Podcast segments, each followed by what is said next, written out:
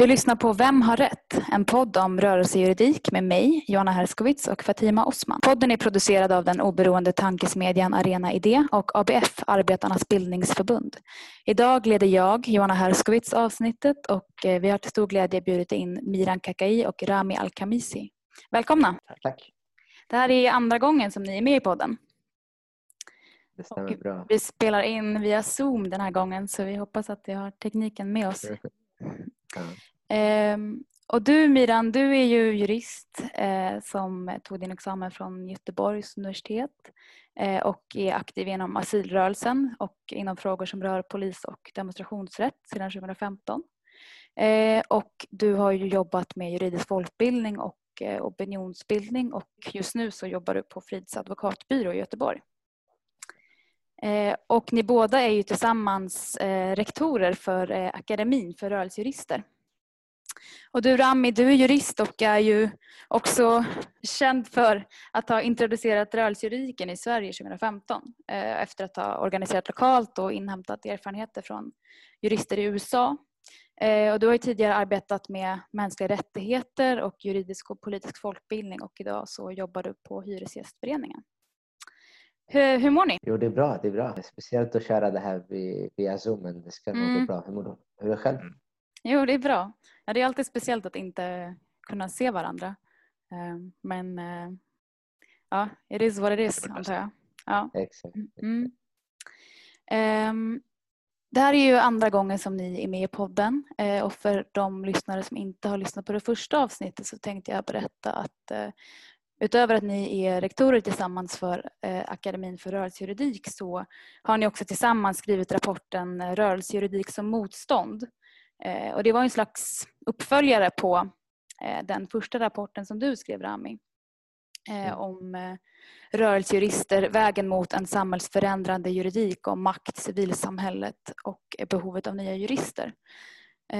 Och den släpptes ju hösten år 2015, eller hur? Precis, det stämmer Mm, bra. mm. Och blivit den mest nedladdade rapporten som Arena släppt då, hittills. Och med dina ord Rami så läste jag att du har sagt att du skrev rapporten för att stärkas och inspireras och få kunskap och få rätt verktyg för att kunna använda juridiken eh, för att pressa tillbaka sociala orättvisor.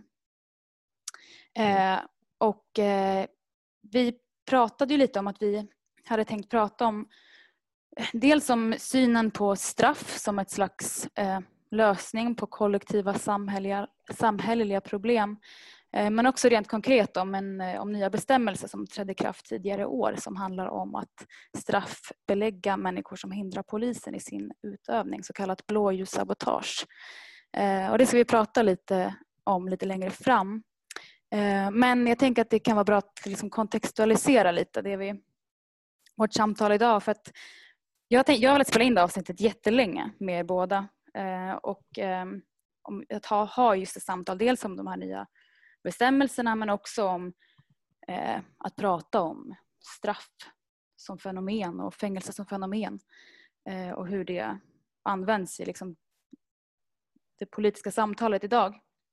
Eh, Mm. men upprinnelsen till att jag spelar in det just nu är ju också eh, den senaste tidens uppmärksamhet som har riktats mot poliskåren i USA. Men också här i Sverige och den rasism som många upplever präglar mötet med polisen. Och i upprinnelsen efter det tragiska mordet på George Floyd i USA så har ju Black Lives Matter demonstrationer skett världen över och behovet av en rannsakning av både poliskår och rättsväsende blir allt tydligare. Eh, och nästa vecka så har vi äran att ha med oss Aisha Jones här i podden, grundare av Black Lives Matter Sweden och då ska vi prata ännu mer om det. Men först, när jag har pratat massa här, vad, vad är era liksom personliga reflektioner kring det som händer i världen just nu kopplat till det här och vilka paralleller tänker ni går att dra mellan händelserna i USA och situationen i Sverige? Alltså, jag tycker att parallell- eller likheterna mellan USA och det som, händer, det som händer där och Sverige är väldigt tydliga. Sverige är ju eh, ett av väldigt många länder som har en historia och en nutida problematik med kolonisering och repression mot människor som rasifieras i samhället och svarta människor i synnerhet. Eh, och även Sverige har som USA en hög grad av rasism i samhället och inom rättsväsendet. Eh, och även i Sverige så är det i hög utsträckning bruna och svarta kroppar och arbetarklassmänniskor som drabbas av rasism och neoliberal politik Så jag tänker dels att de här protesterna, det är dels en reaktion eller ett försvar mot polisvåldet som vi har sett som drabbar de här människorna. Men det är också en reaktion mot en politik som i grunden är orättvis och som drabbar de här människorna särskilt eftersom de exempelvis rasifieras eller tillhör arbetarklass. Så på det sättet kan jag se en väldigt tydlig likhet med vad som händer i USA eh, vad som händer i Sverige. Mm, precis.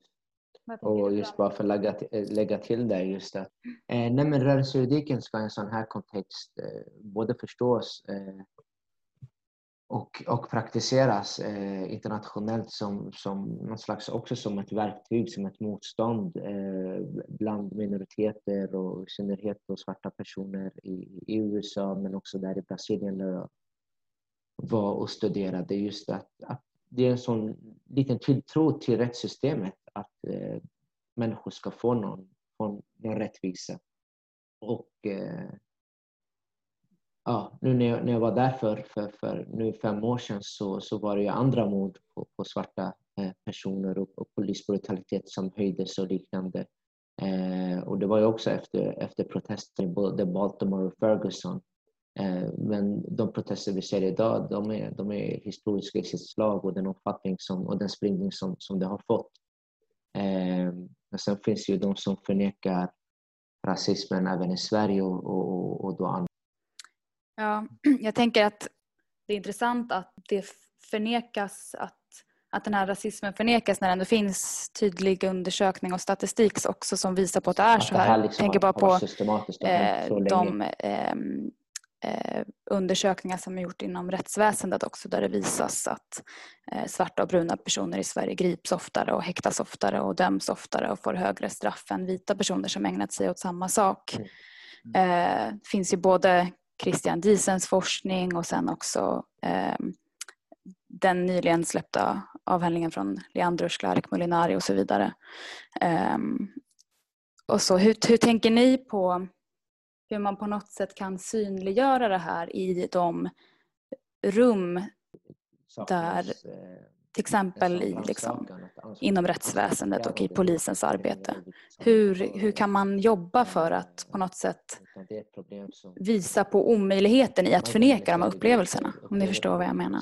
Det är en jättebra fråga om, om jag får ta vid. Eh, dels, för det första tror jag att det behövs mycket mer forskning och mycket fler studier för att den forskning som du hänvisar till i, i är från 2005, 2006 eh, vet att Katrin Leipelt som, eh, ja, som jobbar på Stockholms universitet kommit med en ny studie men det har inte varit så mycket debatt kring de här studierna nu på senare tid. Eh, utan jag tror att det behövs mycket mer forskning och att, att akademin liksom, och våra forskare tar ett större tag och tar de här eh, frågorna eh, på ett större allvar och prioriterar dem i sin forskning och, och även de anslag som de också kan få för den typen av frågor. Eh, sen vet jag faktiskt inte, jag har inte den kollen på, eh, på vilket sätt som, som polisutbildningen eller ordningsväktare får någon slags genomgång av eh, de här frågorna, alltså de strukturer vi har, rasismen och hur människor uppfattar deras arbete. Jag vet inte om du Miran eller Johanna, ni har koll på det? Nej, inte så mycket, men en sak som jag tänker också utöver det du säger, alltså vi behöver dels mycket mer forskning kring det här. Jag tänker också att vi behöver mycket mer transparens i polisens arbete. Det är väldigt det är mycket vi inte får veta om hur de arbetar. Eh, där, där, vi behöver liksom en ökad transparens för att kunna se på vilket sätt som det här drabbar människor. För det är två grupper egentligen i Sverige som vet och känner till den strukturella rasismen eh, och illa behandlingen som man drabbas av och det är de som utsätts av det och det är polisen som utför det i sitt arbete. Eh, så ökad transparens är någonting som behövs. Eh, och sen vet jag också att Durami skrev föreslår bland annat en oberoende granskning av polisen och det är också ett sätt att kunna ansvarsutkräva och det är också en jätteviktig del i det. Mm. Men sen så tänker jag också att jämlikhetsdata är ett steg i det här arbetet för att kunna kartlägga eh, rasismen inom rättsväsendet och hur den drabbar olika människor olika. Eh, utan det så kan vi inte veta heller eh, i den utsträckning som vi annars hade kunnat om vi inte har jämlikhetsdata där vi kan kartlägga de här sakerna. Nej, men i Eh. synnerhet till, alltså så här, jag, jag har ju träffat, eh, nu förra året var jag ju i Spanien på en konferens eh, med bland annat eh, Leandro och tillsammans med, med olika aktivister och jurister från olika delar av Europa. Eh, och där känner jag att de nordiska länderna och i synnerhet Sverige, här vi bor så att man har bra koll på det, ligger efter i, i, i, i vårt arbete när det kommer att eh, dels identifiera men också ha olika verktyg för hur vi samlar den typen av eh, statistik. Mm. Eh, men också vad vi som civilsamhälle och jurister, hur vi driver den här frågan rent konkret. Vad har vi för kartläggning? Hur ser det ut? Mm. Och vad gör vi åt det? Mm. Eh, det, kände, det kände vi, flera av oss, att eh, det finns så mycket kvar att göra. Även konkreta förslag eh, för rättsväsendet eller för liksom, lagstiftaren att, att beakta när det kommer till transparensen, ansvarsutkrävandet, dokumentationen. Mm. Nu kan människor visiteras, stoppas i, i, och i värsta fall då liksom, drabbas av övervåld. Men eh, Mm. det är ju inte, det är inte alltid som det här dokumenteras. Eh, Så i flera, i flera, flera länder har då jurister och civilsamhället tillsammans utvecklat olika metoder eh, som polisen då tvingas att följa. Och det tycker jag är Mm. jätteintressant och som jag tror att vi har, man skulle kunna fördjupa ännu mer här. Liksom. Ja, det, det har ju varit ganska mycket uppmärksammande bara senaste tiden och nu kom det en dom senast Eh, för några dagar sedan som vi inte kanske ska diskutera i detalj just den domen nu men generellt att det, att det finns många upplevelser av eh, att bemötas med rasism och övervåld från polisen. Eh, och som du nämnde Miran så skrev ju du Rami nyligen en artikel som publicerades i ETC om att det behövs just oberoende och självständiga instanser som kan utreda polisens ingripanden och ageranden. För att idag, eh, hur, hur ser ni på liksom de institutioner som finns för att göra det idag? Alltså de är ju otillräckliga. Om, om vi utgår från det här exemplet nu, den domen som kom för några dagar sedan, så försökte ju hon ansvarsutkräva genom att det upprättades en polisanmälan, det inleddes en förundersökning och sen lades den ner. Eh, och det är ju alltså omtjänstefel eh, eller misshandel. Och, eh, det är ofta så det går till, att det görs en polisanmälan som sällan leder till åtal och eh, ännu mer sällan till en fällande dom. Sen finns det andra eh, rättsliga vägar som att till exempel stämma för skadestånd i en tingsrätt, men det är också extremt svårt och eh, inte vanligt förekommande. Man kan kritisera till JO, men det enda som det leder till är ju liksom en kritik. Det leder ju inte till någon faktisk förändring för den personen som har blivit utsatt eh, för det här övervåldet. Så jag tycker definitivt att det saknas alltså adekvata möjligheter för människor att ansvarsutkräva när de utsätts för de här sakerna.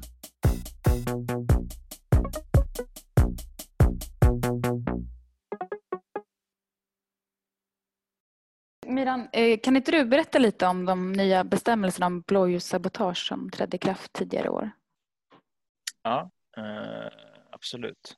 Sabotage mot blåljusverksamhet är en ny bestämmelse i brottsbalken eh, som kriminaliserar sådana gärningar som man anser saboterar blåljusverksamhet eh, och den trädde i kraft vid årsskiftet i år eh, och är en väldigt speciell regel. Dels för att den är så oklar i vad det är som den kriminaliserar, det vill säga vad för nytt det är som den kriminaliserar. Eh, Men också för att den sätter en ny brottsrubricering på gärningar som sedan tidigare är kriminaliserade fast med den skillnaden nu då att den här bestämmelsen bara har fängelse i straffskalan eh, medan de här gärningarna eh, i de andra brottsrubriceringarna eh, har till exempel böter och fängelse i den lägre nivån. Det här är liksom bara ett fängelsestraff där brottet av normalgrad är fängelse upp till fyra år och för grova brott upp till livstid. Vilket det, kan, alltså det som bestämmelsen rent konkret kriminaliserar det är att angripa eller på något annat sätt störa blåljusverksamhet genom då till exempel våld, hot om våld, genom att skada fordon i blåljusverksamhet eller genom att vidta någon annan otillbörlig åtgärd som det står i lagen. Och en ytterligare förutsättning då förutom detta är att den här gärningen som man eh, begår ska vara ägnad att allvarligt försvåra eller förhindra utryckningsverksamhet eller brottsbekämpande verksamhet. Och typexemplet som lagstiftare och politiker förde fram på en gärning som skulle vara straffbar enligt den här regeln, det här scenariot som man kommunicerade utåt, eh, som var det som kommunicerades i media och till allmänheten, det var då eh, alltså en person som kastar sten mot till exempel en ambulans när eh, det genomförs en utryckning i ett mm. bostadsområde. Och det här är inte någonting som händer jätteofta precis, men det var det scenariot som man målade upp som ett så pass stort samhällsproblem att det behövde en egen straffbestämmelse. Eh, sen i realiteten nu när vi har haft den här regeln i sex månader och när vi kollar på vad det är för typer av gärningar som eh, polisanmäls och vilka eh, personer det är som lagförs eh, så vet vi att av alla drygt ja, cirka 20 fall som finns som rör sabotage mot blåljusverksamhet, det vill säga polisanmälningar, nedlagda förundersökningar, åtal, fällande domar, eh, så finns det inte ett enda exempel där den här bestämmelsen har använts eh, för ambulans eller brandkår. Det är bara polisverksamhet som har varit aktuellt när man har använt sig av den här regeln. Eh, och det tycker jag är lite intressant med tanke på det här scenariot som man målade upp och varför man behöver den lagstiftningen. Mm. Men vad, vad, tänker du, vad, vad ser du för liksom, risker eller möjliga konsekvenser med den här nya bestämmelsen? Eh, jag tycker att det finns tre stora risker egentligen med den här eh, regeln. Och den första uppenbara är att man gjort en ganska grotesk straffhöjning av gärningar som annars bara hade lett till kanske dagsböter eller någon annan mildare påföljd. Gärningar som till exempel tidigare hade bedömts som skadegörelse eller mm. ohörsamhet mot ordningsvakt där vi har böter eller fängelse upp till sex månader eller våld mot tjänsteman där vi har böter eller fängelse upp till två år. Det är alltså brott nu där vi bara har fängelse upp till fyra år eh, och upp till livstid som sagt för grova brott, vilket jag tycker är eh, ganska sjukt faktiskt. Mm. Så det är det första. Den andra risken eh, tänker jag har, alltså det, det riskerar att utvidga det kriminaliserade området ganska rejält samtidigt som det också är oklart vad det är som den kriminaliserar. Eh, man kan till exempel fråga sig eh, vad som ingår i brottsbekämpande verksamhet eh, för brottet relaterat till att man ska störa liksom, polisen i deras brottsbekämpande verksamhet. Eh, och då är det förutom det traditionella också Eh, Eh, polisens övervakande verksamhet i samband med till exempel demonstrationer eller politiska aktioner. Det är man tydlig med i förarbetena till lagen. Eh, så det finns liksom en uppenbar risk för att den här regeln kan komma att användas i just sådana sammanhang samtidigt som vi inte vet exakt vad det är som kan komma att uppfattas för att regeln är så pass oklar eh, i vad det är den kriminaliserar. Och sen den tredje stora risken är också hur polisen kommer att använda den här regeln rent konkret i deras arbete. Jag har sett att de är väldigt generösa i sin bedömning av vad som är sabotage mot blåljusverksamhet och också att åklagarna är det i de åtalen som jag sett. Eh, att de försöker klämma in väldigt mycket i den här bestämmelsen som jag personligen tycker är uppenbart att det inte omfattas. Eh, så det är väl framförallt de riskerna som jag ser med den bestämmelsen. Mm. Ja, du skrev i eh, en artikel där du har ehm, pratat om de här nya bestämmelserna så lyfter du fram också att ett av de, en av de stora riskerna är just att den på något indirekt kan kriminalisera aktivism eller civil olydnad. Då. Hur, hur, tänker du? Nu kanske jag inte citerade det helt korrekt men hur Nej, men, tänker du kring det? Alltså det, regeln har ju tre punkter på olika gärningar som den kriminaliserar. Det är dels våld mot tjänsteman, eh, det är dels att skada eh, eller tillgripa fordon som används av polisen och sen är det den tredje punkten som är jätteintressant som är att man annars vidtar någon otillbörlig åtgärd. Och då är frågan vad det är. Det behöver inte vara någon gärning som i sig är kriminaliserad. Det kan vara att man beter sig aggressivt eller ställer sig i vägen. Alltså det kan vara eh, nästan vad som helst egentligen. Mm. Eh, och då är frågan i ett demonstrationssammanhang eller politiska sammanhang. Vad händer om man till exempel ställer sig och filmar ett ingripande? Eh, man kanske befinner sig på behörigt avstånd och får göra det men polisen tycker att man stör. Eh, att man vidtar en otillbörlig åtgärd som gör att man eh, stör deras verksamhet.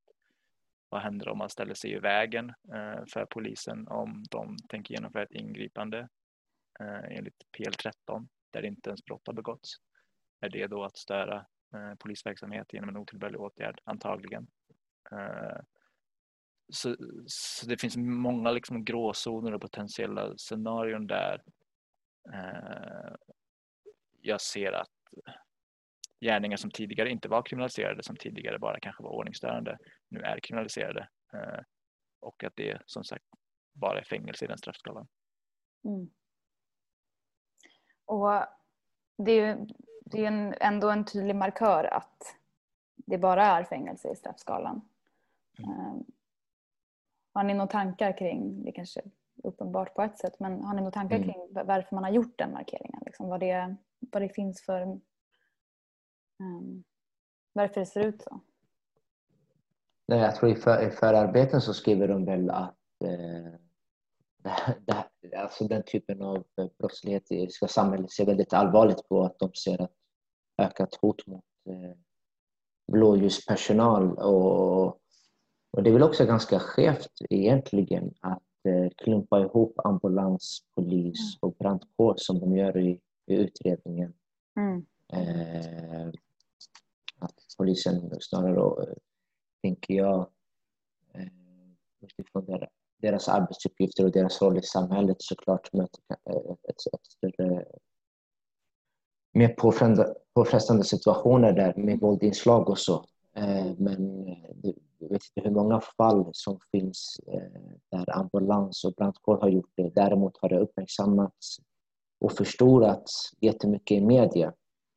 Mm. Jag vet att även lagrådet uttrycker det där att så här, men det här är ju, när det väl har förekommit eh, stenkastningar och annat så har det begåtts av unga pojkar, står det. Unga mm. män eller pojkar.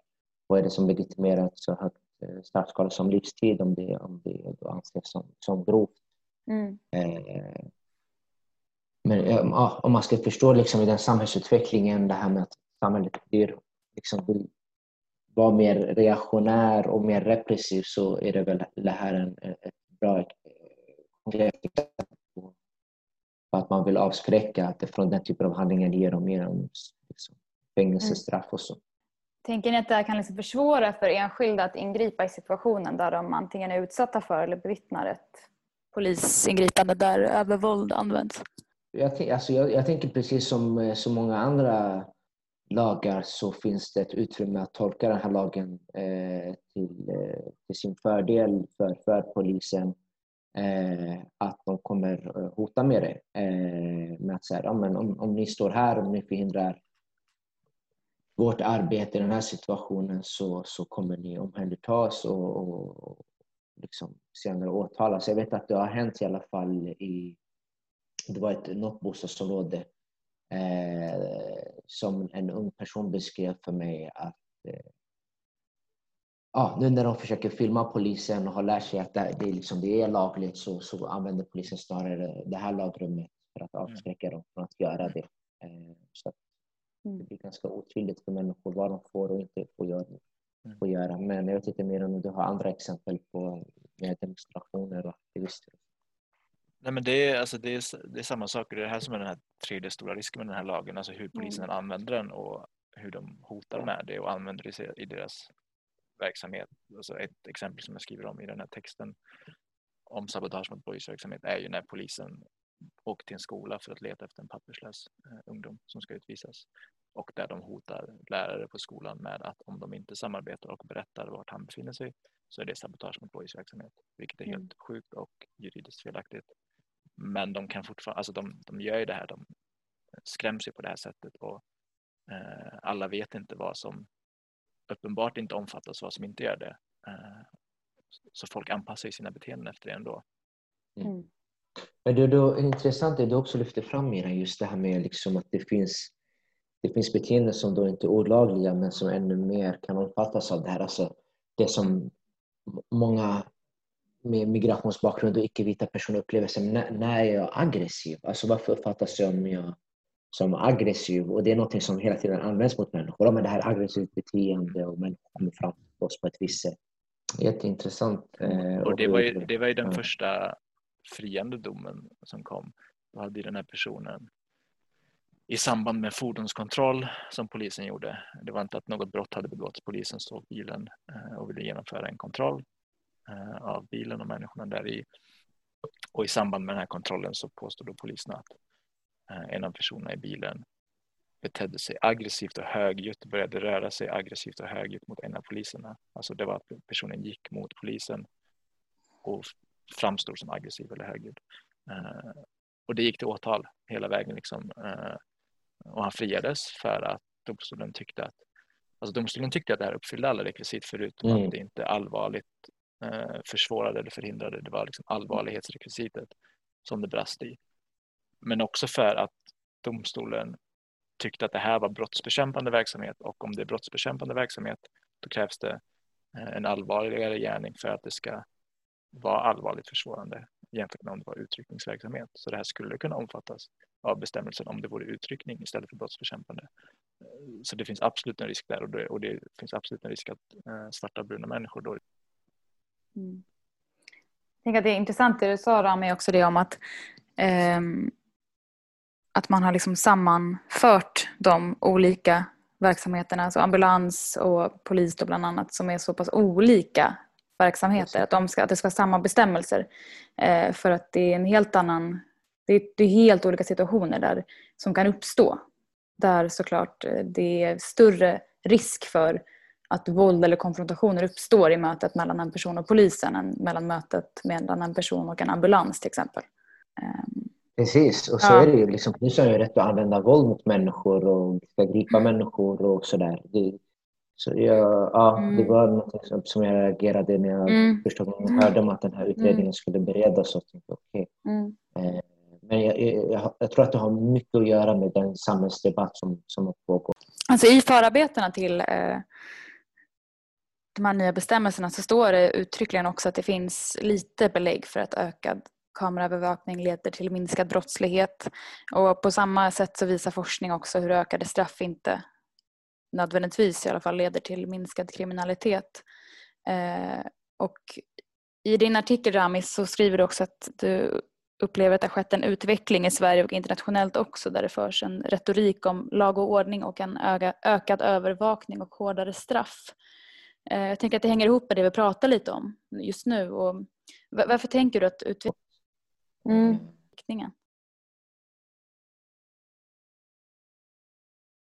Nej men eh, alltså vi, vi saknar ju idag en, en, en politik som ska liksom ge människor eh, någon slags social rättvisa, jämlikhet.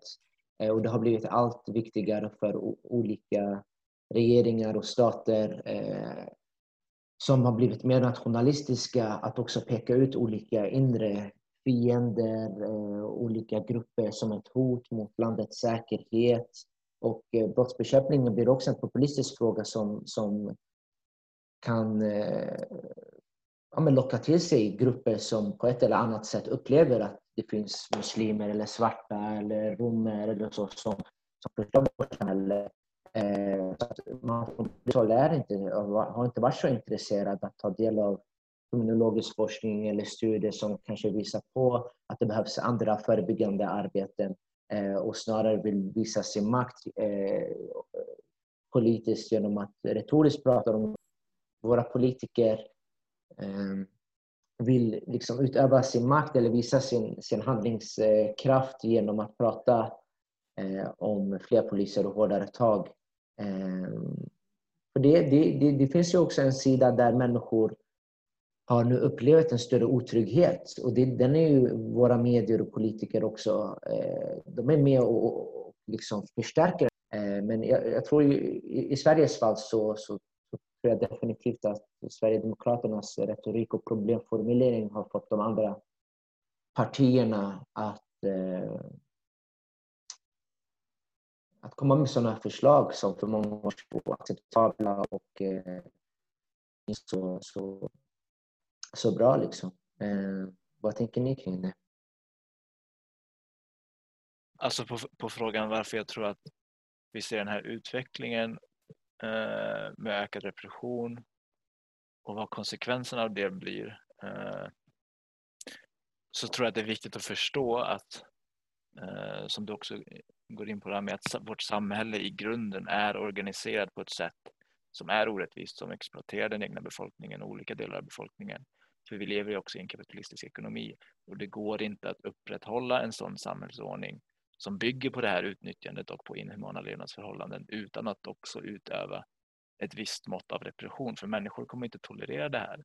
Så repressionen eller straff blir också ett nödvändigt, en nödvändig del i att sätta folk på plats egentligen och kunna upprätthålla sin samhällsordning. Och i takt med att samhället också blir mer och mer exploaterande och förtryckande som vi ser att det blir så behöver också statsmakterna utöka repressionen. Så jag tänker att det, här, alltså det här exploatering mm. av människor och repressionen eller disciplineringen går hand i hand. Mm. Och det är därför inte heller någon slump eh, att vi har till exempel bestämmelsen om blåljussabotage som enligt lagstiftaren är tänkt att skydda ambulans och brandkår men som de facto bara skyddar polisen som är statens våldsmonopol. Eh, och det är ingen slump att organisationer och människor som vill organisera sig mot orättvisor eh, och i politiska frågor också disciplineras och straffas. Och konsekvensen av det här långsiktigt är ju att det kommer nå en bristningspunkt. Eh, människor kommer inte acceptera det här hur länge som helst, att det går hur långt som helst. Och att att vi har till exempel Sverigedemokraterna och högerpartier som pekar ut invandrare eller arbetarklass eh, som bovarna. Det är ju en, medveten strategi för att skifta fokus eh, från det Det som också är intressant i det här sammanhanget det är väl också att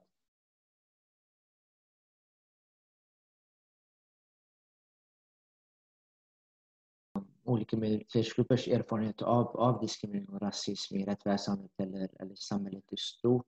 Eh, de frågorna får inte alls samma prioritering.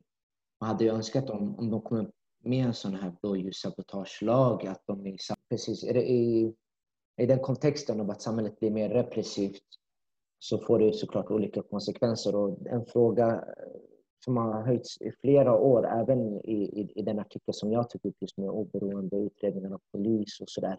Att, att det blir mycket svårare att driva igenom de frågorna när det har varit en sån enorm debatt kring att det är ordningsväktare och polis som utsätts för våld och att de behöver samhällets skydd och inte de människor som systematiskt och under en lång tid eh, drabbats av eh, godtyckliga ingripanden, rasprofilering och annat. Eh, så att man hade önskat i den vevan som de kommer med den här utredningen kring blåljuslagen att, att, de, att de i någon utredning kan ändå problematisera sin våldsanvändning på olika sätt. Eh, men det är kanske för naivt att tro att, att, det är, att vi i en sån politisk samtid ändå kan få igenom progressiva förslag. Men eh, som, som Mira säger, jag tror att det här kommer få väldigt negativa följder. Eh, och, ja. Mm. Lite av de protesterna vi ser, i, kanske inte i samma eh, utsträckning som i USA, men vi, vi, vi, vi, har sett, vi har sett när unga män tar lagen i egna händer just på, på grund av att den frustrationen eller uppgivenheten eh, som de känner eh, och som en eh, som en känsla av att, att de måste få upprättelse. Eh, och det, det, det är saker som vi borde ta på allvar. Liksom. Hur, hur, hur hanterar vi just den maktmissbruk som också förekommer i, i rättsväsendet och så. Eh, jag tycker inte att det, har, det finns tillräckligt mm. diskussioner kring det, varken i akademin eller på, på andra håll.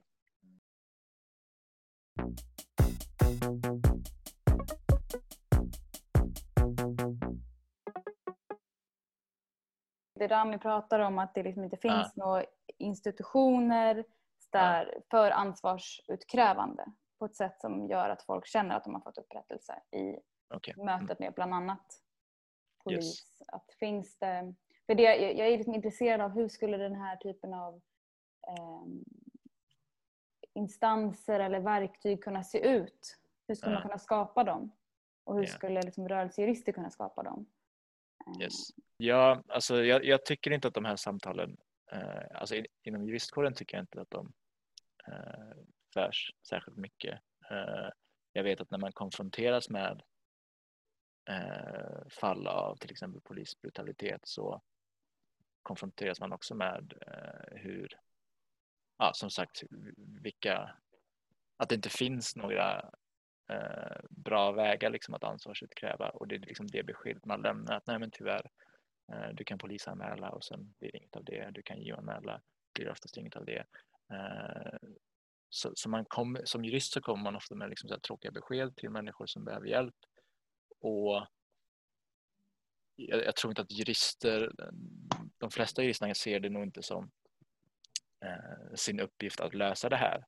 Eh, även om det finns vissa som försöker vara kreativa och driva fall vidare. Men eh, jag, jag har liksom inte upplevt de eh, samtalen eh, mm. inom juristkåren tyvärr. Eh, och det tycker jag är lite tråkigt.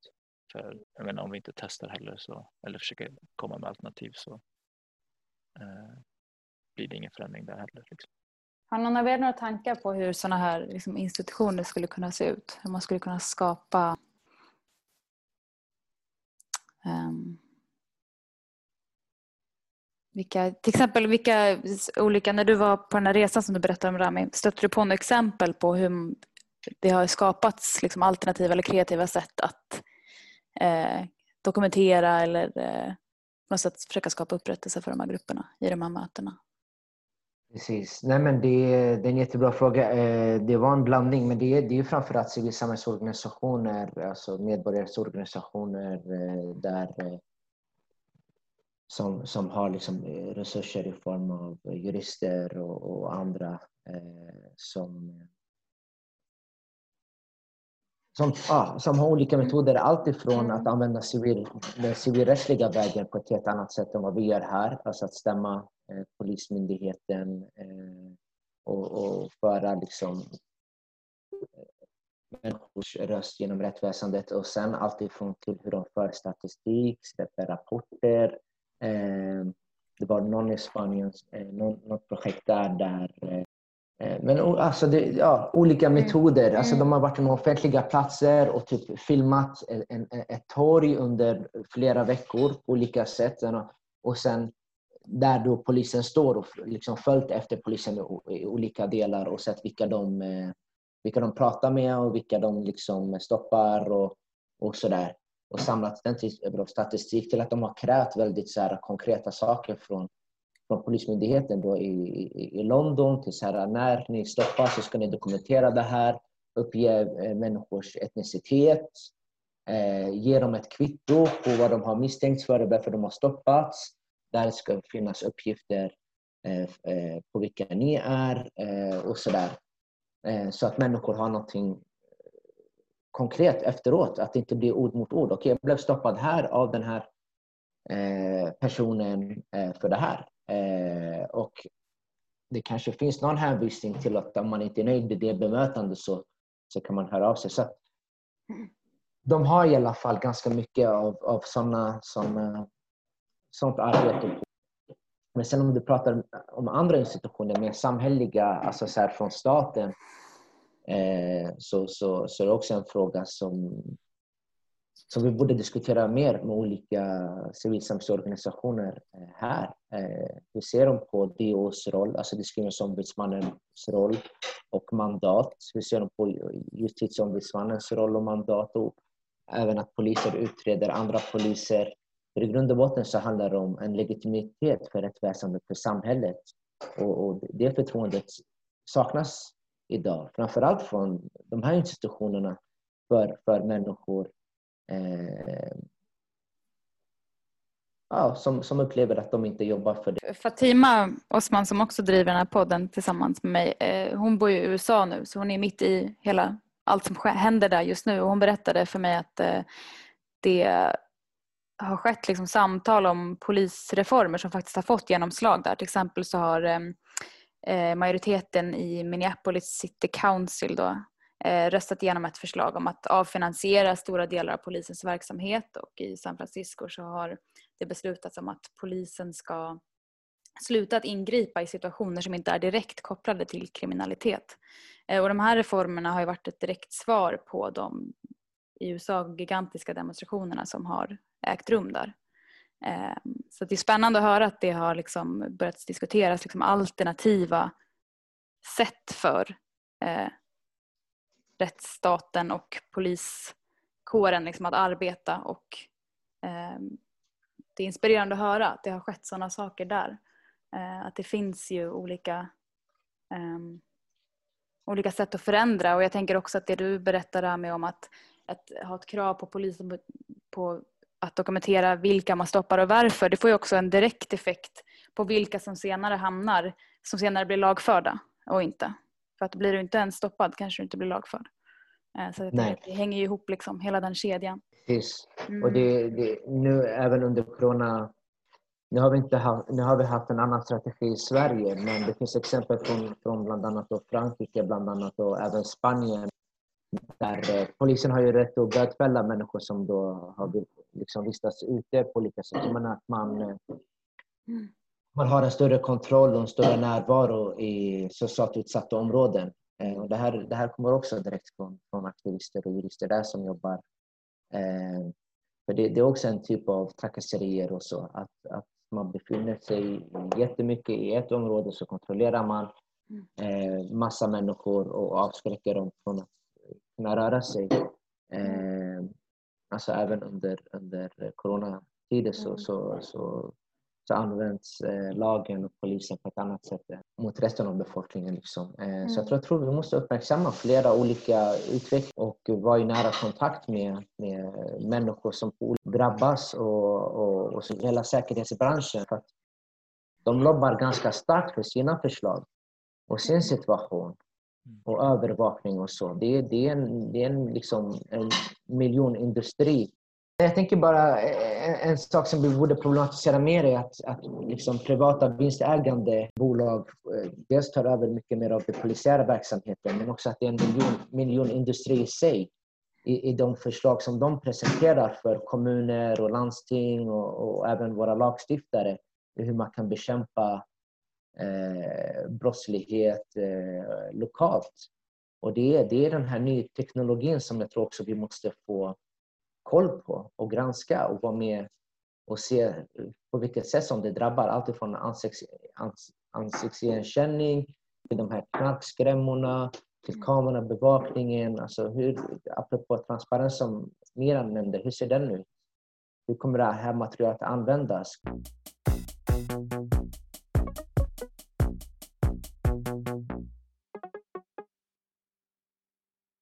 Tack så jätte, jättemycket för att ni tog er tiden att vara med, Miran och Rami. Eh, och för era kloka tankar. Eh, och eh, den här podden som du har lyssnat på nu heter Vem har rätt? Och det är en podd om rörelsejuridik från den oberoende tankesmedjan Arena Idé och ABF, Arbetarnas bildningsförbund. Eh, och alldeles om någon vecka nu så kommer vi spela in ytterligare ett avsnitt där vi kommer fortsätta lite på samma tema där vi kommer prata med eh, grundaren av Black Lives Matter Sweden. Eh, så lyssna gärna på det. Tack och hej!